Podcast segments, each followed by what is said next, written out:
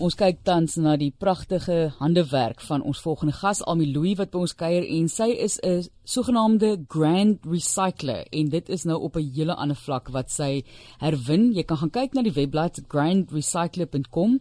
Daar is ook 'n boek Johan sit met die boek daarvoor om wat sy lank gelede saamgestel het en is eintlik betrokke in die hotelbedryf. Dis hoe ek haar ontmoet het en toe gehoor het van hierdie wonderlike werk wat sy doen in sogenaamde upcycling. So ons wag nog vir 'n lekker Afrikaans van jou vir upcycling hergebruik of vir items 'n nuwe lewe gee en dit is net fantasties wat hier gedoen word. Ek kan nie dink dat dit wat hier gemaak is was eers iets anders nie, want dit lyk asof dit spesiaal so van begin af uh, bestem is. 'n hele klomp kamers wat ook um, hierdie pragtige items binne inneem. So die hotel self verwelkom ook die werk wat jy doen daarso om hierdie items te gebruik in die hotel. Ja, verseker Martelies en ek dink die lekkerte van die hotel is ehm um, daar is soveel produkte wat herbenut kan word. Want dit is mos maar mense gebruik uh die heel dag goed en uh, ornamente hou nie altyd vir altyd nie soos byvoorbeeld linne skeer uh en daarvoor voorkry ons altyd nog 'n tweede kans van die eetgery en die breekware en die glasware breek en daarvoor werk ons ook altyd nog 'n tweede kansie in voor. Kom ons gaan net gou so 'n bietjie terug en ons gesels oor die oorsprong van hierdie passie van jou. En lyk dit my jy's baie nuttig en besig met jou hande want ek het sommer 'n pot kweper jelly ook gekry wat jy maak Almi. Groot voorreg dit om om daai handewerk van jou ook te geniet, maar waar het alles vir jou begin? Ehm um, dit het begin ehm um, op die wyse waar ek op groot geword het. Ek het groot geword op 'n plaas in die Vrystaat.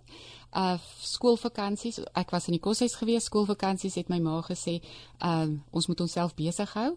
Ehm um, my ma was baie baie vaardig geweest. Sy het vir my en my suster verskriklik baie geleer van handewerk.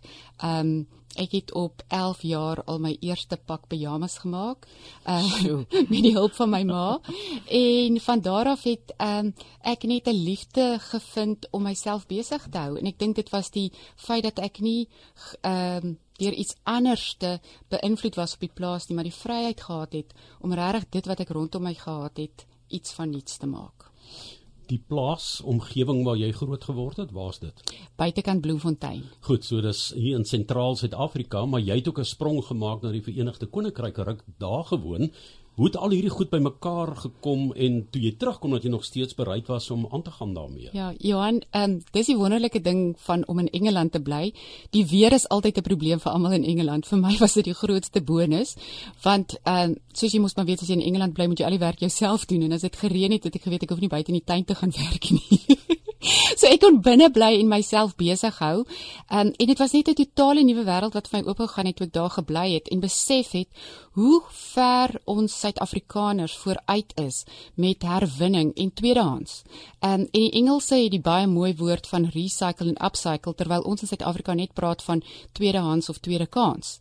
En um, ek het daar betrokke begin raak deur letterlik net wat ek kon raak sien en jy weet seker in Engeland het jy mos jou herwinningssentrums toe en dit was my die grootste bron van ontdekking om soontoe te gaan en net te sien wat mense nie meer wil hê nie en daar gaan uh dit weer opkoop en dan iets nuuts daarvan te maak vir my huis. Ek dink Martelies die kwessie wat eintlik indirek ook aangeraak word is ja, jy sê ons is voor met sekere dinge, maar met ander dinge, byvoorbeeld hoe ons hersirkuleer of van ons afval ontslaa raak en hoe hulle dit kanaliseer is baie beter want jy gaan met jou skille daai kant toe met jou glas daai kant toe met jou papier hier so hulle het baie goeie kanale so uiteindelik kan jy van daai goed fisies net so vat want as jy gemors het of jy gewas te word en Jy weet daar's nie tomatiesous en skille daarop of jou gunsteling tomatiesous op 'n sê net maar ou bedlampie nie. Jy weet, so ek ek daar kan ons ook 'n paar lesse leer, né?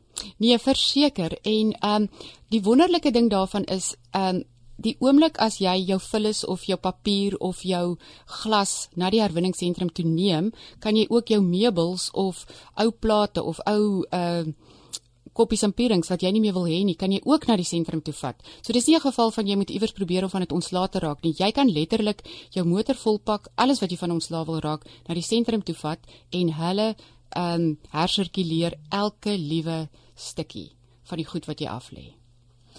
Gesels met ons oor produkte wat jy gemaak het waarop jy baie trots is. So wat moeilik was, dit was vir uitdagend, jy moes nuwe vaardighede aanleer om dit te maak, maar ek weet jy weet al klaar alles.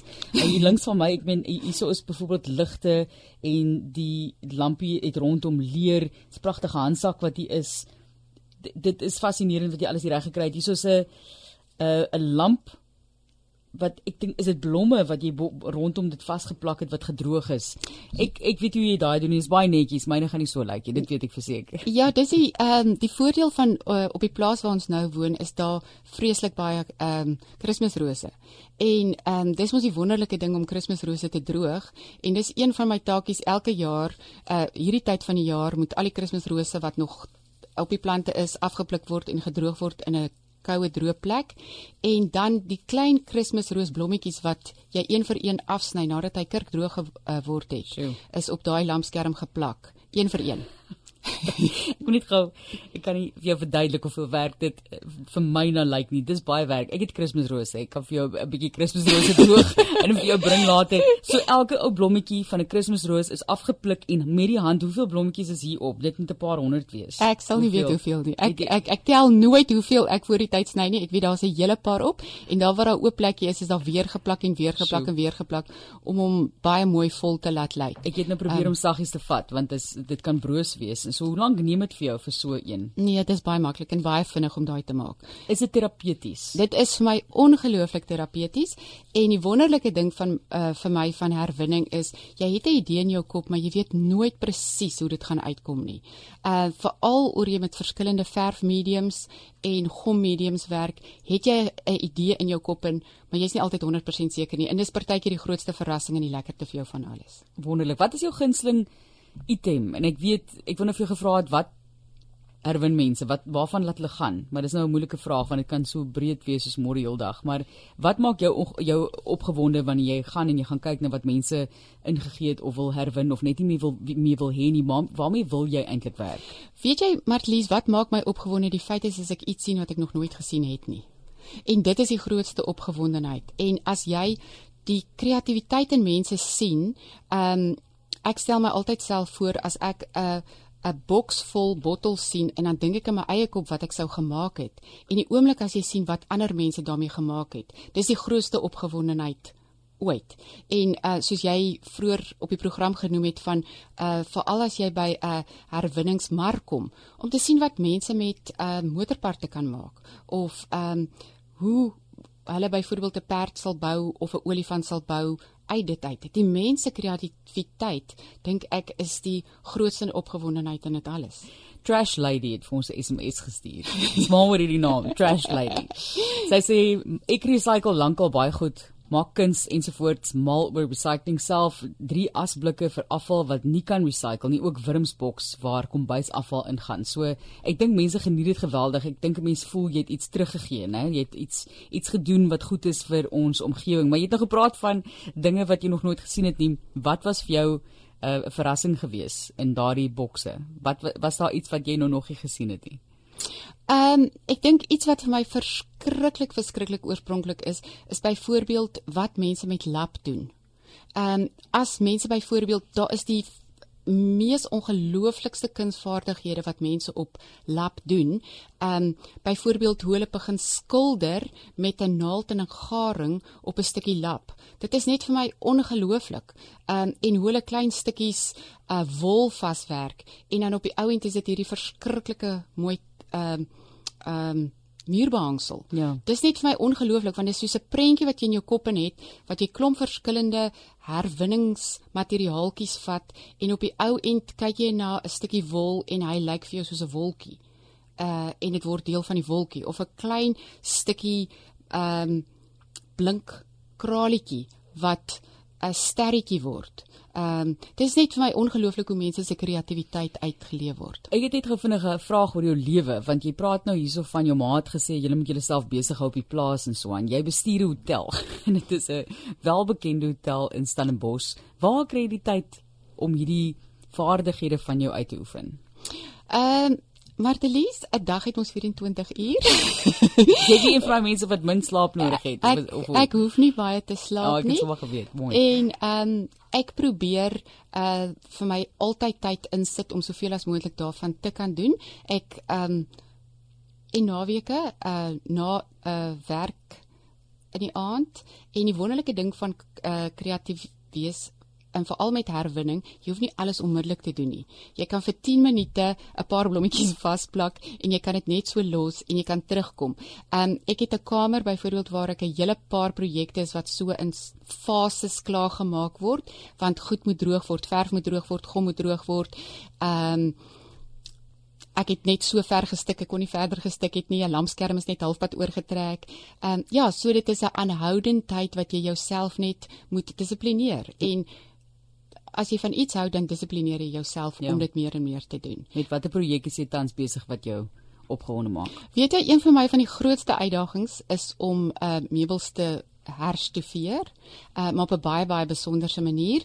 Uh, my ma het verskriklik mooi tapisserie gedoen en ek is besig om van haar tapisseriewerke op uh, meubels te stoffeer. Sjoe. Um, en dit is nogal 'n uitdagende proses vir my. Dit vat baie van my tyd.